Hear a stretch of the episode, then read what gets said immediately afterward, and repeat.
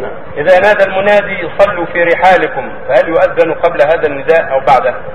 جاء ابن عباس في الصحيح هذا وهذا. جاء أنه إذا أراد الإمام أن يخبر الناس بأن يصلوا في رحالهم. إن شاء أذن اذان كاملا ثم قال صلوا في رحالكم. وإن قال وإن شاء قال ذلك عند حي على الصلاه حي على الفلاح. بدل ما يقول حي على الصلاه يقول صلوا في رحالكم صلوا في رحالكم. كل هذا جاء ثبت عن ابن عباس. عن النبي صلى الله عليه وسلم.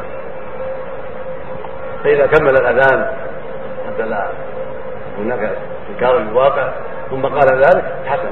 وإن قاله حي, على الصلاة حي على الفلاح فلا بأس كما جاء عن ابن عباس المقصود أنه مخير نعم.